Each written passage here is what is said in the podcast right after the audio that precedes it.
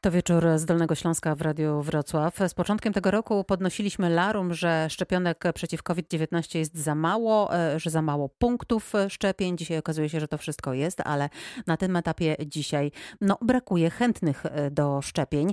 A może zrobiliśmy się e, trochę zuchwali, bo prawie po dwóch latach walki z pandemią myślimy sobie, no jakoś to będzie, jakoś sobie przecież radzimy. Ludzie w większości jednak zdrowieją. Pani doktor Dorota Rutkowska jak pani sądzi? W większości zdrowieją oczywiście. Problemem jest tylko to, że COVID to nie jest tylko ten pierwszy czas. To nie są te pierwsze dwa tygodnie albo trzy, trzy tygodnie, y, tylko potem niestety są ciężkie y, powikłania. I powiem Państwu, że dzisiaj miałam taki przykład. Młoda dziewczyna, 30-paroletnia, która przeszła COVID naprawdę bardzo lekko. Bardzo lekko była w domu po pół roku od zachorowania pojawiają się objawy neurologiczne e, i jest problem, tak? W związku z tym to nie jest tylko tak, że nam się udało, miałem katar, tak? E, natomiast e, za chwilę może się okazać, że są inne problemy zdrowotne i i wtedy już nie będziemy tacy nieśmiertelni i, i, i tacy y, bohaterowie, a niestety będzie za późno. Pani doktor, czyli y, doświadczenia lekarzy już są takie, że te powikłania mogą pojawić się nawet po pół roku, tak? Od tak, przebytej tak, dokładnie, tak, choroby. Dokładnie mhm. tak, dokładnie tak. A poza tym te też, y, jeśli chodzi o te ostre przy, przypadki, to niestety ostatnio ciężko chorują młodzi ludzie, tak? No właśnie za chwilę o dzieciach. Chciałabym porozmawiać o szczepieniach dzieci, ale zanim to jeszcze zapytam e, doktor mhm. Natalię Liszewską.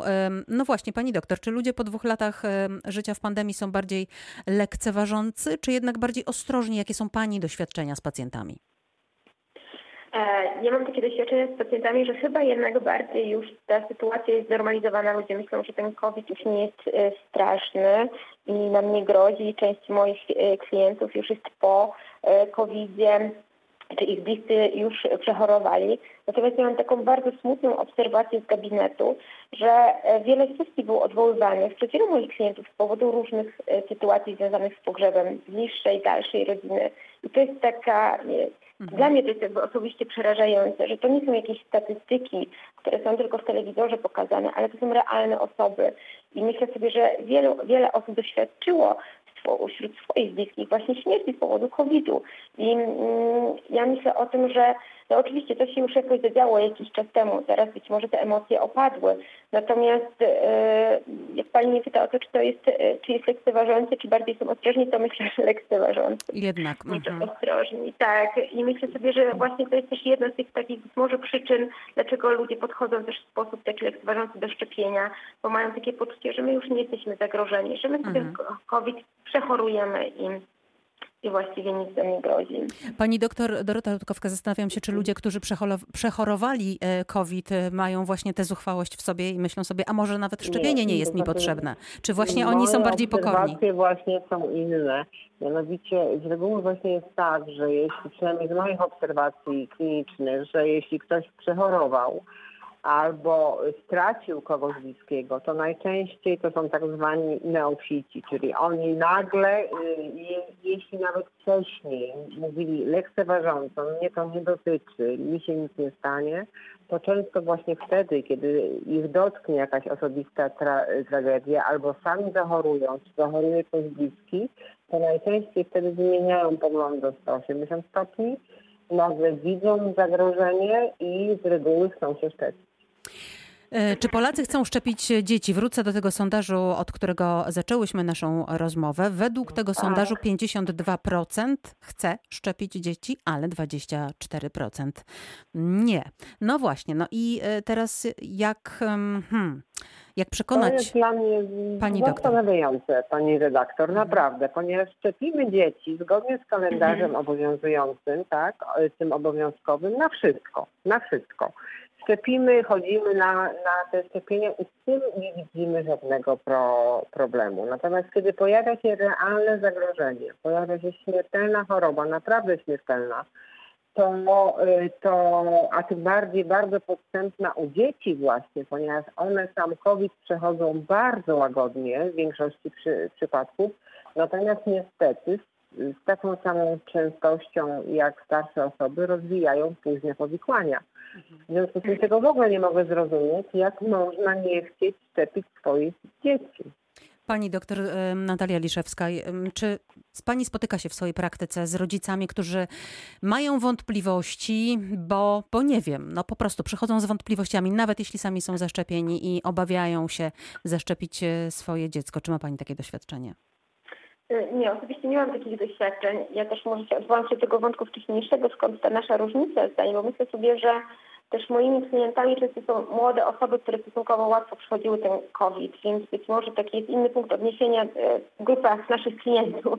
E, stąd myślę, że część z nich może się różnić co do podejścia w ogóle do COVID-u. Mhm. Natomiast jeżeli chodzi o rodziców, no to dla mnie to też jest zaskakujące, dlaczego osoby, e, dlaczego rodzice mają negatywne podejście do szczepienia. Oczywiście jest to jakaś, jakiś procent osób, procent rodziców i ten procent rodziców zapewne się pokrywa niechęcią e, do szczepienia w ogóle, prawda? Bo jest, tak, jest taka część rodziców, która nie szczepi nawet na te e, szczepienia podstawowe, te, które już są przebadane od lat. No tak, i to są właśnie te środowiska związane z antyszczepionkowcami. Mhm. Tak, no tutaj jakoś jest bardzo dużo takiego przekłamania, jakichś korelacji związanych z tym, że na przykład, nie wiem, autyzm jest E, diagnozowany w okolicy e, e, też tego momentu, kiedy dzieci są szczepione, więc często jest to łączone na poziomie na poziomie po prostu zbiegu okoliczności, tak?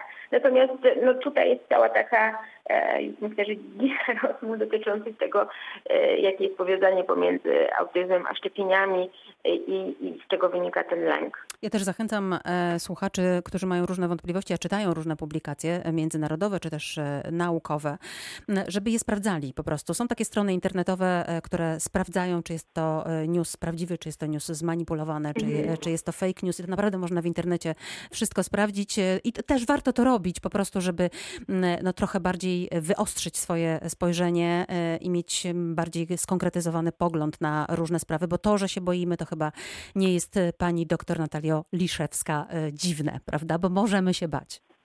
Tak, no, oczywiście to jest naturalne, że my możemy się bać, ale też myślę, że warto, żeby zaufać nauce. Naprawdę ludzie, którzy się na tym znają, robią te badania, weryfikują, sprawdzają. Rozumiem, że też środowiska szczepionkowcy też powołują się na pewne badania, ale myślę sobie, że duża część osób e, nie będzie szczególnie wchodzić na te strony. Być może te osoby, które tam wchodzą i już tam bardzo mocno są e, ułożone w tych takich przekonaniach związanych z tym, że szczepienia szkodzą, no to to są osoby, które myślę, że bardzo trudno już przekonać. Więc warto jest podejmować jakieś takie działania, żeby te osoby nie szczepione faktycznie nie trafiały tam. W tej części internetu, gdzie jest mnóstwo fake newsów przedstawianych właśnie jako prawdy obiektywne. Takie informacje pojawiają się też, nie wiem, czy Pani zwróciła uwagę, przed każdymi e, wyborami, e, czy to parlamentarnymi, czy samorządowymi, tak. że należy przekonać tych nieprzekonanych, prawda? Bo, bo ci, którzy już mają jakiś konkretny e, pogląd, no to z nimi będzie trudniej. I chyba podobnie jest w tym przypadku. Bardzo Paniom dziękuję za dzisiejsze spotkanie. Mm, były z nami dzisiaj dr Natalia Liszewska, psycholożka i socjolożka. Dziękuję Pani doktor. Dziękuję bardzo. I doktor Dorota Rutkowska, lekarka, która y, zajmuje się chorymi na COVID-19. Dziękuję pani doktor. Dziękuję pięknie. Ja również dziękuję. Katarzyna Górna-Drzewoż, dobrej nocy życzę.